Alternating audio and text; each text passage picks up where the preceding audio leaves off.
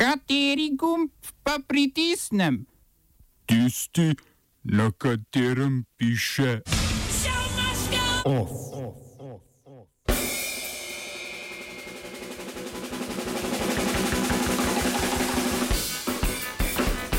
Indonezijska vlada vložila tožbo zoper Evropsko unijo zaradi direktive o ukinitvi uporabe goriva na osnovi palmovega olja.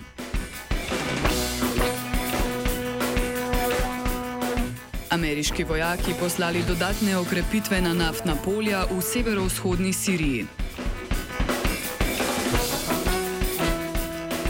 Pogrebci, pogrebci v Črni gori tečejo protestni krok.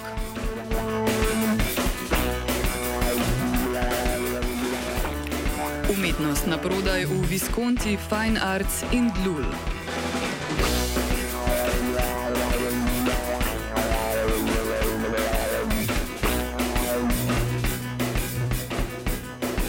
Indonezijska vlada je pri Svetovni trgovinski organizaciji z angliško kratico WTO uložila tožbo zoper direktivo Evropske unije o obnovljivih energijskih virih, s katero si v EU prizadevajo, da se do leta 2030 ukini uporabo goriva na osnovi palmovega olja. Kot vodilni proizvajalec palmovega olja, približno 56 odstotkov svetovne zaloge v letu 2018, je Indonezija med letoma 2001 in 2002 2018 skrčila približno 26 milijonov hektarjev tropskih gozdov, ekosistemov z eno izmed največjih biodiverzitet na svetu. Proizvodnja palmovega olja predstavlja najpomembnejšo gospodarsko panogo v Indoneziji, zato je ta v tožbi Evropsko direktivo označila za diskriminatorno. Implementaciji evropske direktive indonezijska vlada grozi z izstopom iz pariškega podnebnega sporazuma. Prav tako razmišlja o podobni tožbi sosednja Malezija, druga največja proizvajalka palmovega olja.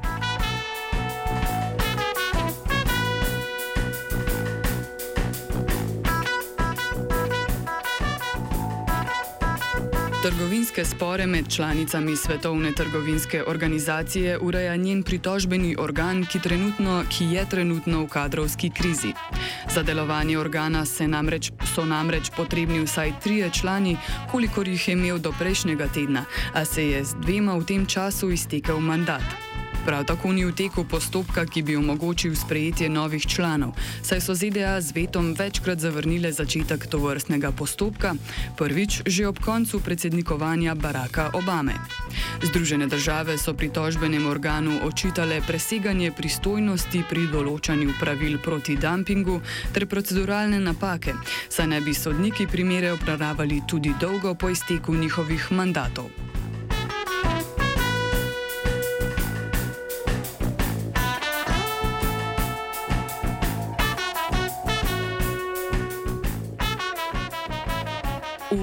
Se nadaljujejo protesti proti sprejetju amantmaja državljanskega zakona, ki poenostavlja postopek pridobitve državljanstva za migrante, ki izhajajo iz Bangladeša, Afganistana ali Pakistana in v Indiji živijo vsaj pet let.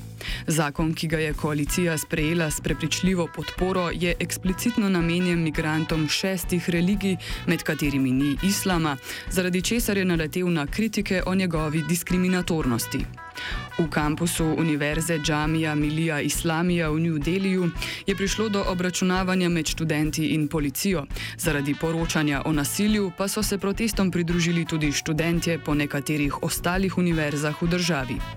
Najbolj nasilni obračuni med protestniki in represivnimi organi se sicer še naprej dogajajo predvsem v severni zvezdni državi Assam, kjer protestirajo, ker ne želijo, da bi begunci v regiji sploh pridobili dodatne pravice.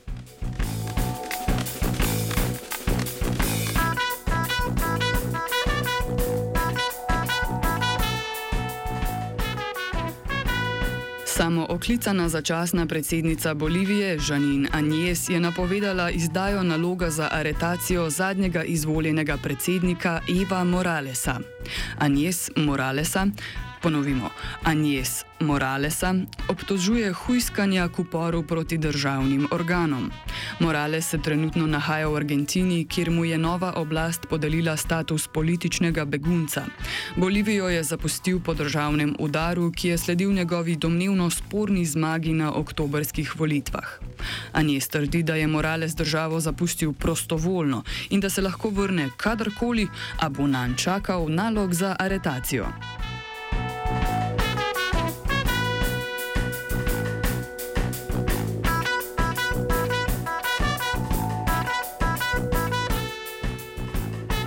Nemški časnik Der Spiegel je v prejšnjem tednu prejel anonimni posnetek grških oblasti, ki skrivno deportirajo begunce skozi turško mejo. Atenske oblasti povdarjajo, da niso deportirale nikogar brez poštenega azilskega procesa, čeprav mnogo beguncev trdi drugače. V Špiglu trdijo, da gre za očitno kršitev mednarodnega prava, ki krši tako ustavne pravice Evropske unije ter Ženevsko konvencijo. Grška vlada že od julija naslavlja pritožbe nad Evropsko unijo o pravičnejši delitvi bremena prihajajočih beguncev, število katerih v Grčiji nenehno raste. Oblasti v Ankari trdijo, da je bilo v zadnjem letu že 60 tisoč beguncev nezakonito vrnjenih v Turčijo. Namestnik turškega ministra za zunanje zadeve Faruk Kajmakci podarja, da bo morala Evropska unija prispevati več kot 6 milijard evrov dosedanje pomoči za reševanje begunske krize. Večino te finančne podpore je turška vlada že porabila.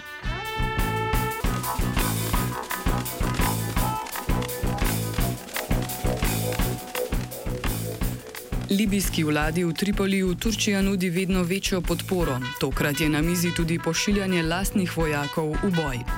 S tem se bolj aktivno vključuje v konflikt s kalifom Haftarjem, ki, podporo, ki se s podporo Egipta in Združenih arabskih emiratov bojuje za prevlado v državi, ki je razcepljena na več delov že od prve državljanske vojne in tuje intervencije leta 2011. V turškem parlamentu so med vikendom predstavili bilateralni dogovor z mednarodno priznano libijsko vlado, ki bi povečala prodajo orožja in zavezala Turčijo k brezpogojni pomoči. Državi se vedno bolj povezujeta tudi na ekonomski ravni, saj sta prejšnji teden sklenili dogovor o razdelitvi pravic vrtanja v Sredozemskem morju.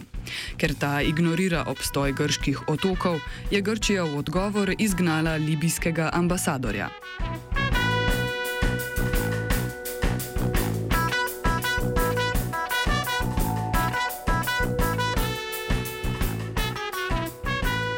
Ameriške oborožene sile so poslale nove okrepitve na naftna polja v severovzhodni Siriji, natančneje v provinciji Hasak in Dejirezor. Gre za drugi primer takšnih okrepitev v manj kot enem mesecu.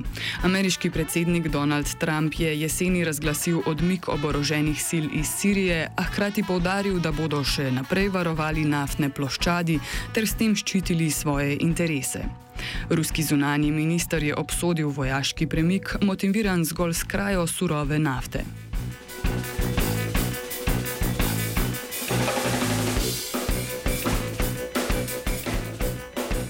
Delavci pogrebnega zavoda v Pljevlju, Črni Gori, so za danes napovedali stavko zaradi neizplačanih plač. Trenja med delavci in računovodstvom se stopnjujejo že celo leto, saj delavci trdijo, da jim dolgujejo že 11 plač. Med sporom so poslali zahtevo za izplačilo dveh plač, na kar računovodstvo ni odgovorilo.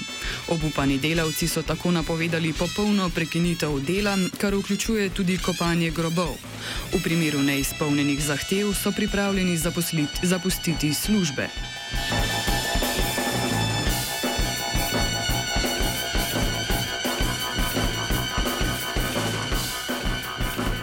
Ov so pripravili vajenca Aljaš in Lucija ter Jure.